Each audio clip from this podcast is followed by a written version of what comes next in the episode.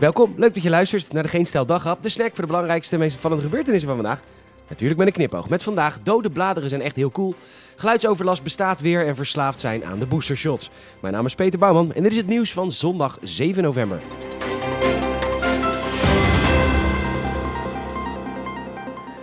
Ja, de bladeren vallen weer van de bomen en dan weet je het al. De bladeren hebben allemaal voedingsstoffen en dat is hartstikke goed voor de natuur. Bioloog Arnold van Vliet vertelt erover bij de NOS. Er zit heel veel leven in het verrottende blad en dat trekt onder andere vogels aan. Ook worden blaadjes gebruikt door dieren om een overwinteringsholletje te bouwen. Super schattig, super leuk. Dus stoppen met die bladblazers. Ze verstoren de natuur, stoten stikstof uit. Ja, meneer, ik snap het is ook wel handig. Ik snap het wel. Ja, nee, sorry. Ga maar door hoor.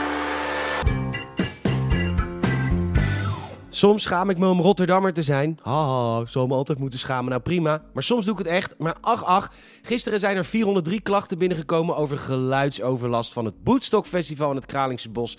Dat meldt nu.nl. Hoe kut ben je dan?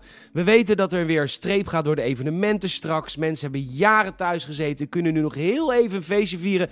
En dan ga je na twee jaar lang totale rust. Met de enige klacht die je kan hebben: tering, wat kwaken die ene hart. Ga je klagen vanwege geluidsoverlast. Ba, ba, ba, wat sneu.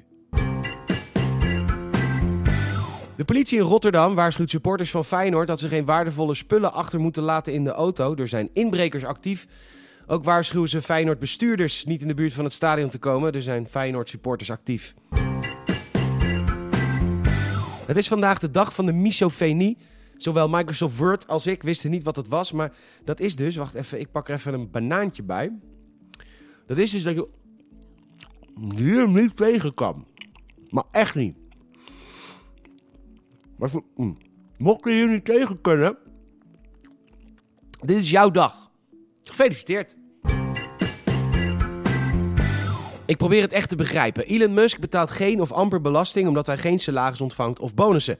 Alles wat hij krijgt, krijgt hij in aandelen. Hij stelt dus, als hij 10% belasting moet betalen, ja, sorry, voor de superrijken is 10% belasting dus echt al fucking veel. Wat ook wel echt veel is, want ze hebben heel veel geld. En dan is 10% ook heel veel geld. Maar goed, dan moet hij dus 10% aandelen verkopen om dat dan af te dragen aan de fiscus. En hij heeft nu een poll lopen op Twitter. En als de meerderheid van de mensen zegt dat hij dat moet doen, dan gaat hij dat dus ook echt afdragen aan de fiscus. Bizar dat op dit moment nog steeds 42% zegt dat hij dat niet moet doen.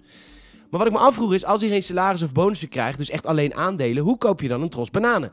Kun je die 1,29 euro bij de Albert Heijn afrekenen met een aandelen betaal-app? Of hoe werkt dat? Hashtag durf te vragen. Tot slot nog even een tip. Gisteravond was ik aan het werk. Oh ja, ik werk twee avonden in de week in de horeca, omdat ik feeling wil houden met de samenleving. Ik vind ik zo nuttig voor deze podcast. Nee hoor, ik vind het gewoon heel erg leuk werk en ik geef veel te veel geld uit. Maar goed, ik kreeg een enorme kriebelhoest. En dat staat tegenwoordig natuurlijk gelijk aan rondlopen met open TBC en leprawonden. Collega van me gaf direct een glaasje Zambuca. En echt, daarna was ik er vanaf. Ideaal. Nog een bijkomend voordeel. Je dient ieder uur een boostershot te nemen. Dus, eh cheers. Wow, fijne avond. Bedankt voor het luisteren. Je zou ons enorm helpen als je een vriend of vriendin vertelt over deze podcast. Je kunt ons een Apple Podcast review geven, 5 sterren alsjeblieft. En je kan ons volgen via vriendvandeshow.nl en Spotify. Krijg je altijd een hartje als er een nieuwe daghap verschijnt.